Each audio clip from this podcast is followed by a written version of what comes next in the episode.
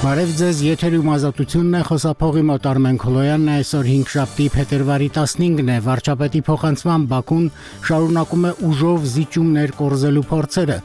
Ռուսական կողմը հավատացնում է, թե Ադրբեջանի հետ քննարկում է Արցախ հայերի վերադարձի հնարավորությունները։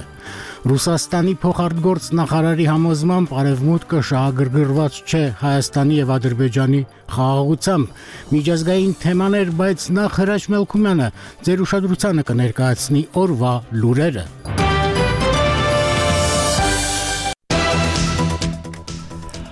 Հայաստանի վարչապետ Նիկոլ Փաշինյանը այսօր կառավարության նիստում ասել է, թե Ադրբեջանը խուսափում է բանակցությունների միջով սահմանազատման աշխատանքներից եւ նշել, թե դրա համար կարող է մեկ պատճառ լինել, օրինակ ռազմական գործողություններ սկսել սահմանի որոշ հատվածներում, հետագայում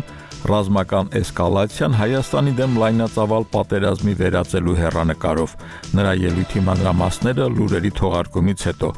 Իլհամ Ալիևը նախորդին կրկին ստանձնելով Ադրբեջանի նախագահի պաշտոնը իր ելույթում դարձյալ սպառնալիքներ էր հնչեցրել Հայաստանի հասցեին։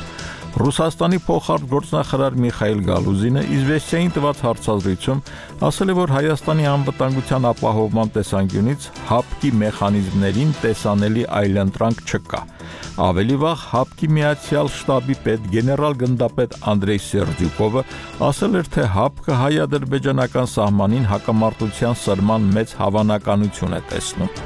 Ռուսաստանի արտաքին գործերի նախարարության հատուկ ներկայացուցիչ Իգոր Խովայևը Բաքվում քննարկել է հայ-ադրբեջանական խաղաղության պայմանագրին առնչվող հարցեր։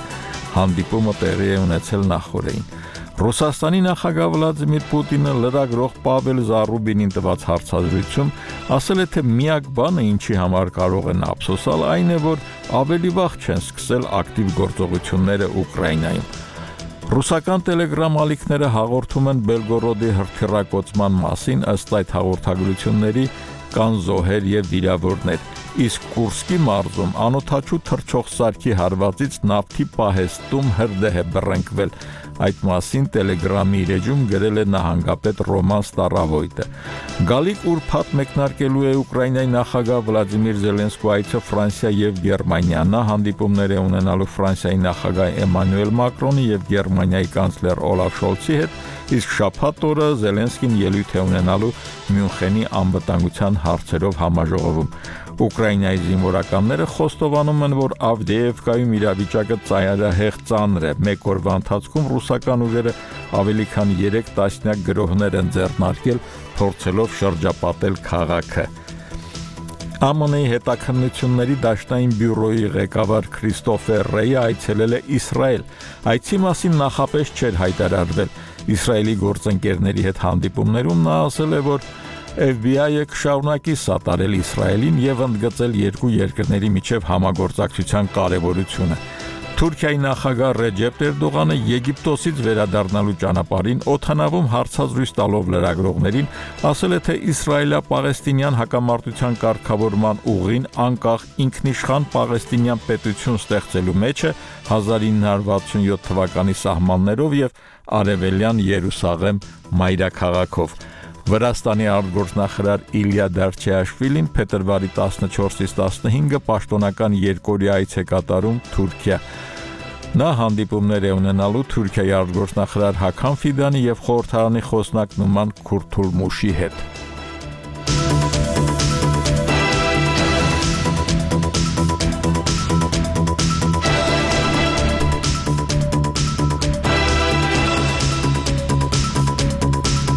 Շնորհակալություն հրաչ շարունակում ենք ծրագիրը։ Տվեք բանակցություններով, թե չէ ուժով կվերցնենք։ Սա է ըստ վարչապետի Ադրբեջանի կիրառած բանակցային ռազմավարությունը։ Նրա փոխանցմամբ հարցերի կարգավորման ելակետը պետք է լինի քարտեզներով եւ գետնի վրա Հայաստանի եւ Ադրբեջանի խորհրդային սոցիալիստական հանրապետությունների սահմանի վերականգնումը եւ էքսկլավ անկլավների շուրջ վեճերի համաձայնեցումը։ Լսենք Աստրիկ Բեդևյանի հաղորդումը։ Ադրբեջանը շարունակում է վարել այն, ինչ ուզում եմ, տվեք ինձ բանակցային եղանակով Հակառակ դեպքում ես դա կվերցնեմ պատերազմով քաղաքականությունը։ Դեռ երկու ամիս առաջ Ադրբեջանի հետ խաղաղությունը մոտ համարող Հայաստանի իշխանությունը այսօր չբացառեց, որ Ադրբեջանը կարող է Հայաստանի դեմ նաև պատերազմ սկսել։ Վարչապետը հայտարարեց Հայաստանի նկատմամբ ռազմական հարկադրանքի քաղաքականություն վարելու Ադրբեջանի մտադրությունը չի փոխվել։ 4 հայ դիրքապահի կյանք խլած սահմանային միջադեպից հետո առաջին հրապարակային ելույթում վարչապետը հայտարարեց, թե Ադրբեջանը խոսում է 4 գյուղերի տարածքների մասին։ Միևնույն ժամանակ հրաժարվում ընդունել, որ ադրբեջանական օկուպացիայի տակ են գտնվում Հայաստանի 31 ոչ անկլավային գյուղերի տարածքներ։ Մենք ասում ենք, որ որպեսզի զորքերը իրենց այսօրվա դիրքերից յետ գնան, դրա համար անհրաժեշտ է քարտեզի եւ գետնի վրա վերարտադրել Հայաստան-Ադրբեջան սահմանը եւ երկու երկրի զորքերը յետ քաշել այդ սահմանի գծի նկատմամբ։ Սահմանի վերարտադրությունից հետո, եթե ողջվի, որ այդ գծից առաջ զորքեր կան, երկու ստեկ պետք է յետ քաշվեն։ Պաշտոնական Բաքուն փորձում է այս իրադրությունը ձևակերպել այնպես, որ ադրբեջանական զորքերը Հայաստանի 31 գյուղերի տարածքներից որևէ կերպ յետ չգնան։ Սա Փաշինյանը կառուցողական չի համարում, բայց նաև չի հստակեցնում արդյոք Ադրբեջանը պահանջում է 4 գյուղեր առանց 31-ից հետ քաշվելու։ Սահմանազատման գործընթացի քաղաքական հիմքը պետք է լինի 1991-ի Ալմաթիի հրճակագիրը, այդ ժամանակ գոյություն ունեցող սահմանով հայտարարեց վարչապետը։ Նույն սկզբունքով էլ պետք է լուծվի հայկական ու ադրբեջանական անկլավ էքսկլավների հարցը։ Փաշինյանը եւ պնդեց, որ Ադրբեջանը խուսափում է դրանից, փորձելով գնալ հատված առ հատված լուծումների, եւ ասաց, թեև ինքը կողմ է, բայց Բաքուն մարզ առ մարզ սահմանը գծելու տարբերակին էլ համաձայն չէ։ Սրա համար կարող է լինել մեկ պատճառ։ Եվ այդ պատճառը կարող է լինել օրինակ ռազմական գործողություններ սկսելը սահմանի որոշ հատվածներում,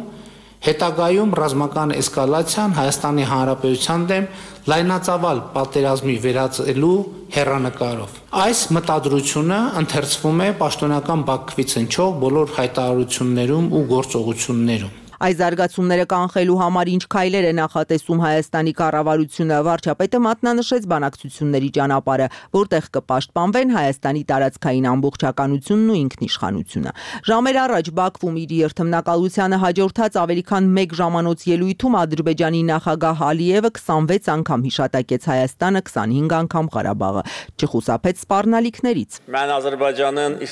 Մեր բանակն իր ուժը ցույց է տվել ոչ թե շքերթներում ու վարժանքներում, այլ մար մարտի դաշտում Հայաստանն ու նրան ռազմական օգնություն ցույց տվողները պետք է իմանան, մեզ ոչինչ չի կանգնեցնի։ Եթե մեր նկատմամբ տարածքային պահանջներին վերջ չդրվի, եթե Հայաստանը կարգի չբերի իր օրենսդրությունը, ապա բնականաբար խաղաղության պայմանագիր չի լինի։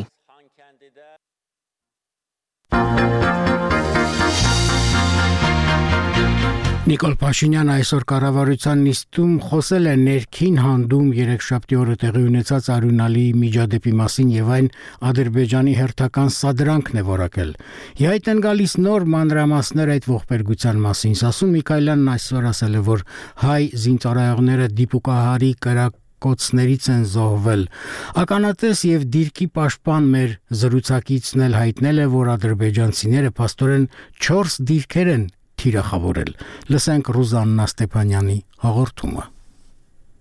Ներքին հանդում 4 հայ դիրքապահները ադրբեջանցի դիպուկահարների կողմից սպանվել են տարբեր դիրքերում։ Ադրբեջանական զինուժի դեմ կրված կամավորներից մեկը Արսեն Հակոբյանն այսօր ազատությանը մանրամասներ պատմեց փետրվարի 13-ի վաղ առավոտյան տեղի ունեցած բախումից։ Այդ 4-ը որ սպանված են, դրանք 4-ը մեր դիրքից չեն, տարբեր դիրքերից են։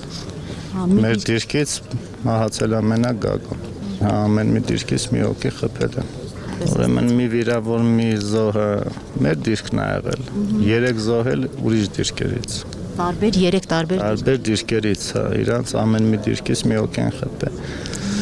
Բոլոր դիրքերի վրա էլ խփել են ինչքան մենք այդ լինիան դիրք ունենք, սաղին էլ խփել եմ։ Կամավորական Արսեն Հակոբյանը պատմում է. ադրբեջանցիները հարցակումը սկսել են փետրվարի 13-ին վաղ առավոտյան։ Կռիվը տևել է մոտ 2 ժամ։ Ընդ որում Հակոբյանի պնդմամբ կոնկրետ իրենց դիրքից որևէ կրակոց չի եղել։ Հայ դիրքապահները պատասխան կրակ են բացել, երբ ադրբեջանցիները սկզբից դիպուկահարների, ապա այլ զինտեխնիկայի կիրառմամբ անցել են հարցակման։ Սնայպեր, դեշեկա, բեկա, ամեն ինչ էլ ինչ ունեն Հիմնականում սպանել են սնայպերով սաղը։ Բոլորին դիպուկահարն է, հա, սպանել։ Հա։ Կռիվը սկսվեց, այսինքն դիպուկահարների այդ գործողություններից հետո անմիջապես թե միաժամանակ կա եղել։ Միաժամանակ նույն վարքյանին դիպուկարի խփելուց հետո սկսել են տարբեր զենքերով խփելը։ Առաջի դիպուկարը խփելը առաջ իրանց կողմից կրակոց եկել է իմ ընկերոջ վրա Ռուստամին ախփե Վարդանյան Ինքը վիրավոր է։ հա ինքը ծերից վիրավորվեց այդ վարքյանից հետո սկսավ արդեն ամբողջ լինիային խփելը բայց առաջ իրանց կրակոց եղել է Ռուստամի վրա Իսկ այ որ ասում են առաջինը մենք ենք կրակել ամսի 12-ին, հետո իրենք պատասխանել են, դա ճիշտ է։ Ես էդի չեմ կարող ասեմ, մեր պոստից կրակոց չի եղել, հիմա թե որ պոստից ա եղել, ով ա եղել, ես դրա մասին ոչ շբան Բայց ձեր դիրքից ոչ մի կրակոց չի եղել։ Բացարձակ ոչ մի ձևի կրակոց չի եղել մեր դիրքից։ Մինչև իրանք չեն կրակել, մենք չենք կրակել։ Քասախում այսօր վերջին հրաժեշտն էին տալիս փետրվարի 13-ին ներքին հանդում զոհված 3 երեխաների հայր 41-ամյա Գագիկ Մանուկյանին։ Զինակից ընկերը Հակոբյանը պատմում է, դիպուկահարի կրակոցից Գագիկը տեղում մահացել է, փրկել չի հաջողվել։ Նախքան զոհվելը Գագիկը առաջին օգնությունն է ցուցաբերել վիրավորում ստացած մեկ այլ կամավորականի Ռուստամ Վարդանյանին, ապա կրկին վերադարձել է խրամատ։ Ռուստամը որ վիրավորվեց, Գագիկը Ռուստամի տարավ բլինդաժ։ Ձեռը կապեց, տեղ տվեց եւ այլն ու եկավ հետ մեր մոտ post։ Ընդ որ խփում էին տարբեր տղեկից մեկը ոնց որ պայտակ ցեն հանեց Գագոին թվաց թե իրան խփեցին։ Կֆռած մեջքով նայեց այդ մեր ընկերոջը ու հետևից Գագոին խփեց։ Չէ, հետևից խփել են սրդին։ Սրդից դուսա եկավ։ Ես իրան որ տանում էի խրամատի մեջ արդեն ստուգեցի տեսա որ մահացել էր բայց իմ սրդի հովարանքի համար մինչև վերջ տարա։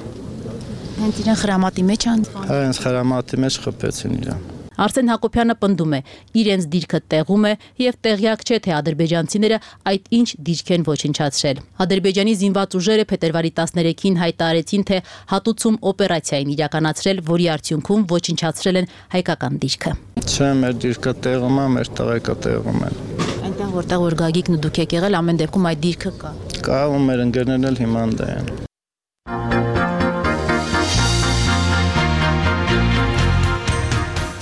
Ռուսական կողմը բարբերաբար ակնարկներ է անում, թե հնարավոր է Արցախ հայության վերադարձը։ Ակնհայտ է, որ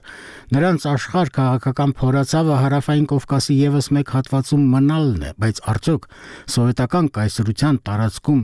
երբեմնի ամենառուսասեր այդ ժողովուրդը կընդունի խաղի նոր պայմանները։ Լսենք Շողիկ Գալստյանի պատրաստած հաղորդումը։ Լեռնային Ղարաբաղի ժողովրդի հավաքական հայրենադարձությունը միայն ռուսական կողմի երաշխավորությամբ նպատակահարմար չէ։ Արցախի մարդու իրավունքների պաշտպանն այսպես է արձագանքում Մոսկվայից այս օրերին հնչող հայտարարություններին, թե ադրբեջանական կողմի հետ քննարկվում է հայ բնակչության Ղարաբաղ վերադարձի հերանեկարները։ Գեգամ Ստեփանյանն ասում է, թեև կողմ են Արցախահայերի վերադարձի հարցով շահագրգիռ կողմերի ներգրավվածությանը, բայց եւ ընդգծում։ Միևնույն ժամանակ իմ կարծիքն այնպեսին է, որ միջազգային երաշխիքներ են պետք, այսինքն 20 թվականից հետո Արցախում ներդրված ռուսական խաղապահ զորակազմի միայն այդ երաշխիքը մենք պատմությունը ցույց տվեց, որ բավարար չէ Արցախում անվտանգություն ապահովելու համար։ Ռուսաստանի արտգործնախարարության պաշտոնական ներկայացուցիչ Մարիա Զախարովան առանց հստակությունների նախորդին նշել էր, թե հայերի հնարավոր վերադարձը պետք է իրականացվի նրանց իրավունքների եւ անվտանգության պատշաճ ապահովմամբ։ Սրանից առաջ էլ փոխարտգործնախարար Միխայել Գալուզին էր շեշտել, թե արցախցիների վերադարձի համար անհրաժեշտ է պայմաններ ստեղծել։ Կրկին առանց մանրամասնելու, թե ինչ նկատի ունի Մոսկվան։ Արցախի մարդու իրավունքների պաշտպանը ռուս պաշտոնյաների այս հայտարարություններին բացասաբար է վերաբերվում։ Այն պատճառով, որ նրանք Ստեփանյանի գնահատմամբ մանիպուլացնում են փաստերը, երբ ասում են, թե մարդիկ ինքնակամ են լքել Լեռնային Ղարաբաղը։ Ռուսական խաղապահ զորակազմը գտնվել է տեղում եւ ռուսական խաղապահ զորակազմը առաջինը պետք է լիներ, որ փաստագրեր, որ մարդիկ վերացել մարդիկ հեռացել են ֆիզիկական ոչնչացման իրական սպառնալիքի ներքո 24 ժամ տևած ռազմական գործողություններից հետո պետք է ասեմ, որ ակնկալիքը հենց նաև այն էր, որ հենց առաջին ռուսական խաղապահ զորակազմը պետք է գնահատական տար այդ էթնիկ զտումներին եւ ոչ թե որակվեր, դա որակվեր որպես ինքնակամ հեռացում։ Այն, որ ռուս խաղաղապահներն ադրբեջանական հարձակման ժամանակ եղել են դիտորդի կարգավիճակում, Հայաստան գալուց մոտ 1 ամիս անց պնդել էր նաև Արցախի նախագահ Սամվել Շահրամանյանը։ Եթե անգամ Ռուսաստանն անվտանգային լրացուցիչ մեխանիզմներ առաջարկի, միևնույն է հավաքական հայրենադարձության մասին ըստ Գեգամ Ստեփանյանի հնարավոր կլինի խոսել միայն այն դեպքում, երբ գործեն միջազգային ամուր երաշխիքներ։ Շատ ավելի ցանկալի եւ շատ ավելի բարձր երաշխիք կարող է ապահովել, եթե խաղապահությունը կամ միջազգային երաշխիքները ձևավորվեն միջազգային հարթակում, լինի դա ՄԱԿ-ի, այսինքն կոնկրետ որևէ պետության հայցողության կամ նրանց կարողությունների շրջանակում չլինի, այլ ունենա միջազգային երաշխավորվածություն։ Ռուս դիվանագետների հայտարարություններին հաջորդել է Ռուսաստանի արտաքին գործերի նախարարի հատուկ ներկայացուցիչ Իգոր Խովայևի այցը Բաքու։ Ռուսաստանի արտգործնախարարության խոսնակ Մարիա Զախարովայի խոսքով նա Ադրբեջանում է քննարկելու նաև խաղաղության պայմանագրին վերաբերող հարցեր։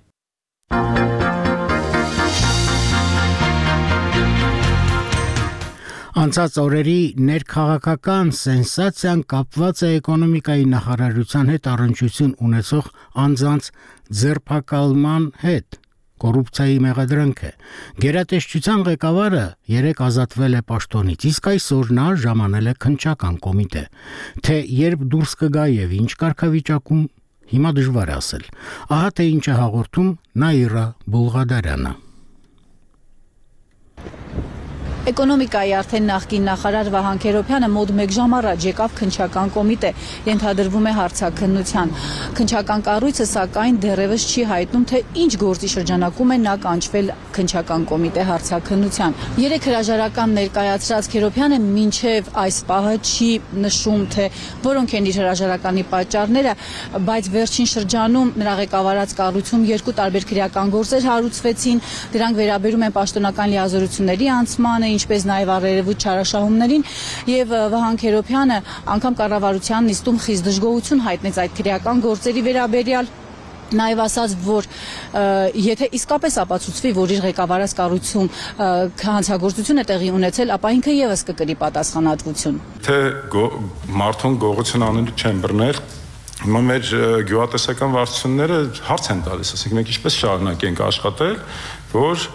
վստահ լինենք, որ մեր ազնիվ աշխատանքը վերջում չի պատժվելու։ Դրա համար իսկ կարծում եմ մենք պետք է մշակութային փոփոխություն անենք, հասկանանք, ասենք, մենք թույլ ենք տալիս, որ մարդիկ սխալներ թույլ տան երբեմն, չնայած այս բարագայում ես վստահ եմ, որ բարձի որ այդպեսի սխալներ էլ առանձնապես չկա։ Բյուջեից փող տարվելա թե չէ։ Ընդ որում էական չի ովա տարել։ Բյուջեից փող տարվելա թե չէ։ Եթե տարվելա, դա ուրիշ բան է, եթե չի տարվել, Դա ձեր ասած սխալ սխալվելու իրավունքն է։ Իհարկե ոչ թե սխալվելու իրավունք, իրավունք ունենաս չունենաս, մենք բոլորս էլ սխալվում ենք։ Բայց հարցը այդ սխալի բովանդակությունը եւ էությունն է։ Մինչև քնչական կոմիտե մուտք գործելը մենք փորձեցինք մի քանի հարց տալ նրան, նա ընդհանրապես ասաց, որ մեղադրյալ չէ եւ դեռ չի հարցակնվել։ Կանչել են եկել։ Մի այս գործի շրջանակում կարող է մեղադրանք են արդեն առաջադրել։ Չգիտեմ, չէ։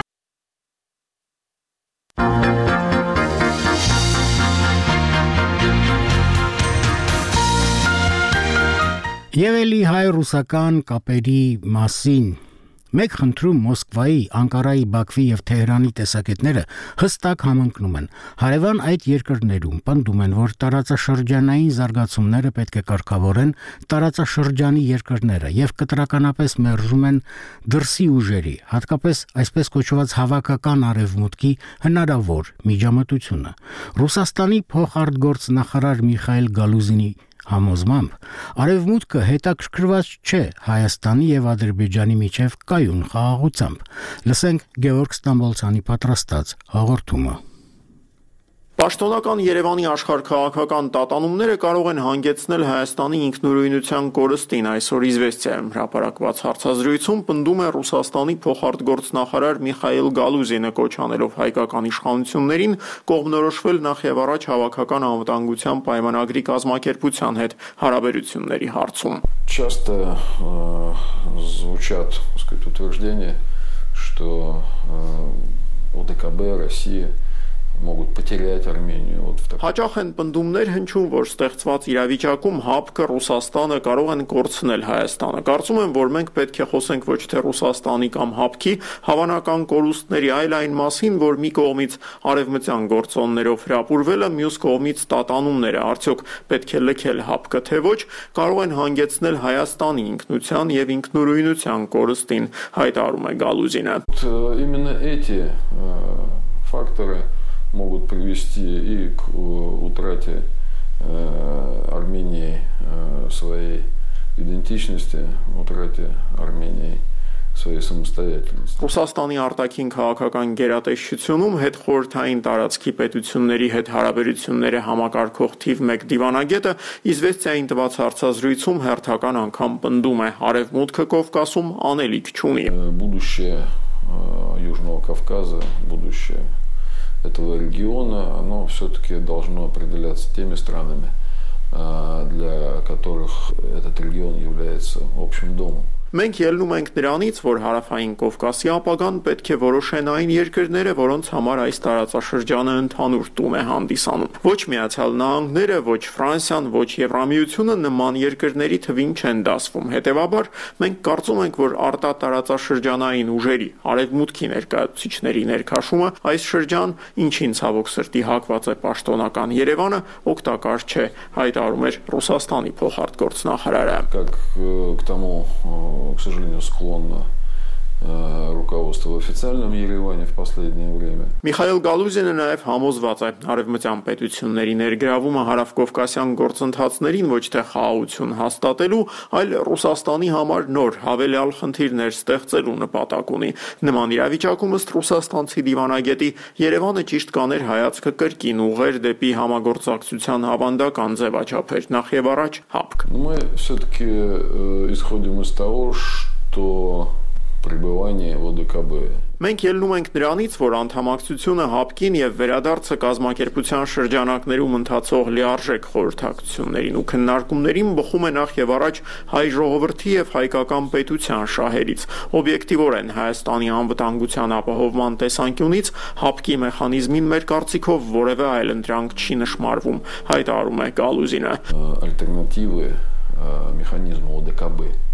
с точки зрения обеспечения безопасности Армении тоже не просматривается. Ռուսաստանի փոխարտգործնախարարի խոսքով Մոսկվան եւ հավաքական անվտանգության կազմակերպության մյուս անդամները այսօր էլ պատրաստ են վերադառնալ Հայաստան այդ կառույցի դիտորդական առաքելություն ուղարկելու Երևանի հետ կապերը խորացնելու ծրագրերի քննարկմանը։ Э, Страны-члены ОДКБ э,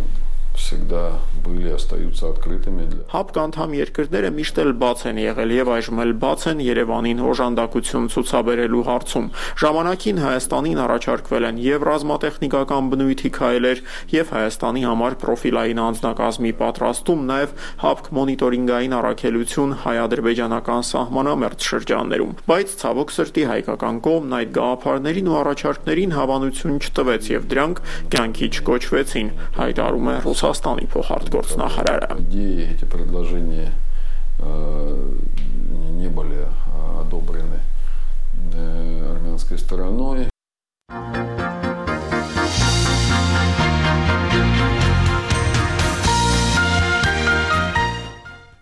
Թուրք-ամերիկյան հարաբերություններում կարծես թե հերթական ռոմանտիկ փուլն է։ Խոչընդոտները գրեթե վերացվում են, համերաշխությունը վերականգնվում է, լավ եղանակ է F16 կործանիչների թռիչքների համար։ Լսենք Լուսինե Մուսայելյանի հաղորդումը։ Էրդողանը հայտարարում է թուրք-ամերիկյան հարաբերությունները Այսօր առավոտ Այսօր առավոտյան հրթիռ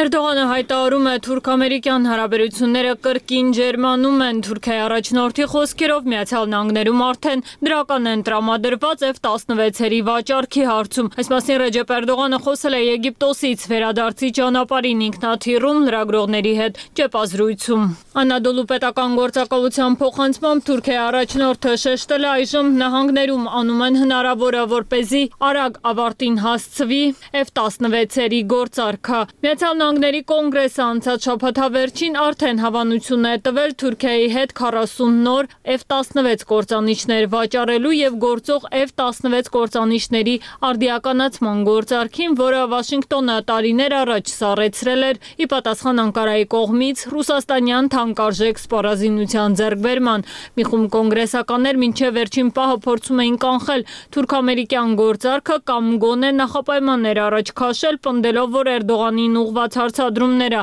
ՆԱՏՕ-ին Շվեդիայի անդամակցությամբ չեն ավարտվում։ Այս մասին Reuters-ի հետ զրույցում էր նաև պնդում դեմոկրատ սենատոր Քրիս Վան Հոլենը։ Էրդողանի պաշտոնավարման մեծ մասի ընթացքում Թուրքիան ՆԱՏՕ-ի հավատարիմ դաշնակից չի հանդիսացել։ Ես դեռ հարցեր ունեմ կապված Սիրիայում մեր քուրդ դաշնակիցների դեմ Էրդողանի հարձակումների, միջերկրական ծովի արևելյան հատվածում նրա ագրեսիվ գործողությունների, ինչպես նաև այն դերակատարության հետ կապված, որ խաղաց Թուրքիան աջակցելով Ադրբեջանին Լեռնային Ղարաբաղի դեմ ռազմական հարձակման ընթացքում։ Էրդողանի խոսքերով, սակայն ռազմական օթանավերի վաճառքի հարցում չէ միայն, որ Վաշինգտոնն փոխել է իր վերաբերմունքը ըստ Թուրքիայի նախագահի, ընդհանուր առմամբ երկու երկրների միջև հարաբերություններում շեշտակի ջերմացում է նկատվում, չթաքցնելով, որ դա տեղի է ունեցել հենց այն բանից հետո, երբ ամիսներ շարունակ պահանջներ ու նախապայմաններ առաջ քաշելուց հետո ի վերջո Անկարան հավանություն տվեց ՆԱՏՕ-ին Շվեդիայի անդամակցության հայտին։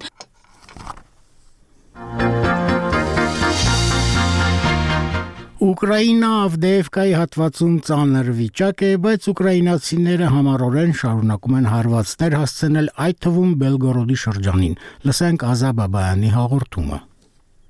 Այսօր առավոտյան հրթիռակոծվել է Ռուսաստանի Բելգորոդ քաղաքը։ Ռուսական տելեգրամալիքները հայտնում են զոհերի եւ վիրավորների մասին։ Սոցցանցերում տարածվում են կրակիտակ հայտնված քաղաքի հարավային մասում գտնվող Արավտրի կենտրոնի շենքի լուսանկարներն ու տեսանյութերը։ Հաղորդվում է նաեւ, որ հրթիռ կամ դրա բեկորներն ընկել են թիվ 42 դպրոցի Բաքում։ Ռուսաստանի պաշտպանության նախարարությունը հայտնել է, թե Ուկրաինան փորձել է արվածել Ռուսաստանի տարածքին օգտագործելով վամպիր բազմակի արձակման հրթիռային համակարգը։ Պաշտպանության նախարարության տվյալներով Top համակարգերը Բելգրադի օթում ոչնչացրել են 14 հրթիռ ռազմական գերատեսչության հաղորդագրության մեջ ոչինչ չի ասվում հարցակման հետևանքների եւ զոհերի մասին։ Գիշերն էլ Ռուսաստանն է զանգվածային հրթիռային հարված հասցրել Ուկրաինայի տարածքին։ Ուկրաինայի զինված ուժերի ռազմաօթային ուժերի տվյալներով ընդհանուր առմամբ արձակվել էր 26 հրթիռ, որից 13-ը խոցվել է։ Ռուսաստանը չի մեկնաբանել հրթիռային այս հարվածը։ Բոլոր ռուսական հրթիռները, որոնք թռչում էին Կիև, խոցվել են եւ Ուկրաինայի մայրաքաղաքում զոհեր եւ ավերածություն հնարավորություններ չկան հարձակման հետևանքով զոհեր են եղել Լվովում, Զապարոժիում եւ Խարկովի մարզում։ Մինչ այդ էլ ավելի է լարվել իրավիճակը ռուսների ինտենսիվ գրոհների տակ գտնվող Ավդիևկայում։ Ուկրաինայի զինված ուժերի 3-րդ առանձին գրոհային բրիգադի հաղորդագրության մեջ նշված է, թե իրավիճակն այնտեղ սպառնալից եւ անկայուն է։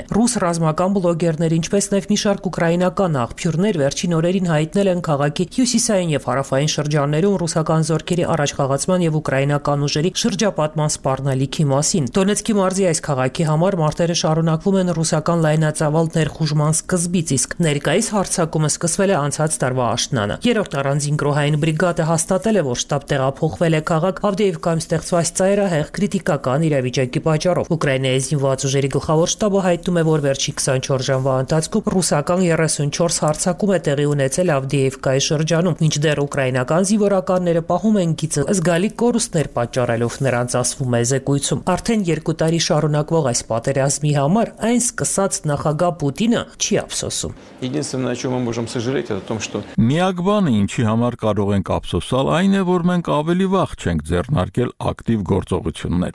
наших активных действий раньше։ Գերեկը երեկոյան ասել է Ռուսաստանի նախագահը մեկնաբանելով ուկրաինական պատերազմի ընթացքը Ռասիա մեկ հերոստահալիքի հաղորդավարին տված հարցազրույցում։ Չնայած ճակատում հատկապես Ավդիևկայում ստեղծված բարդ իրավիճակին Ուկրաինայի իշխանությունները գրեթե ամենօրյա ռեժիմով հայտարարում են, թե արևմտյան դաշնակիցների օգնությամբ դուրս են մղելու ռուսներին իրենց տարածքից։ Ուկրաինայի պաշտպանության նախարար Ռուստեմ Ումերովը արդյունավետ է անվանել Ուկրաինայի դաշնակիցների հերթական հանդիպումը Ռամշտայն ձևաչափով։ Այս մասին նա գրել է սոցցանցերում պաշտպանության նախարարի խոսքով կուժեղացվի փոխգործակցությունը գործընկերների հետ անօթաչու համակարգերի ոլորտում։ Կլինեն ավելի շատ անօթաչու սարքեր 8 երկրներ՝ Մեծ Բրիտանիան, Գերմանիան, Դանիան, Լատվիան, Լիտվան, Նիդերլանդները, Շվեդիան, Էստոնիան կօգնեն այդ հարցում Ուկրաինային։ 20 երկրներ էլ կօգնեն Ուկրաինային ականազերծման հարցում։ Մենք ունենք մեր գործընկերների աջակցությունը, պնդել է Ումերովը։ Ազա Բաբայան, Ազատություն, ռադիոկայան։ Հարգելի ունկնդիրներ, այսքանով ազատությունը ավարտում է ցերեկային երկրորդ ռադիո թողարկում, այն վարեց Արմեն Խոլոյանը, մենք ծրագիրը կշարունակենք երեկոյան ժամը 7-ին։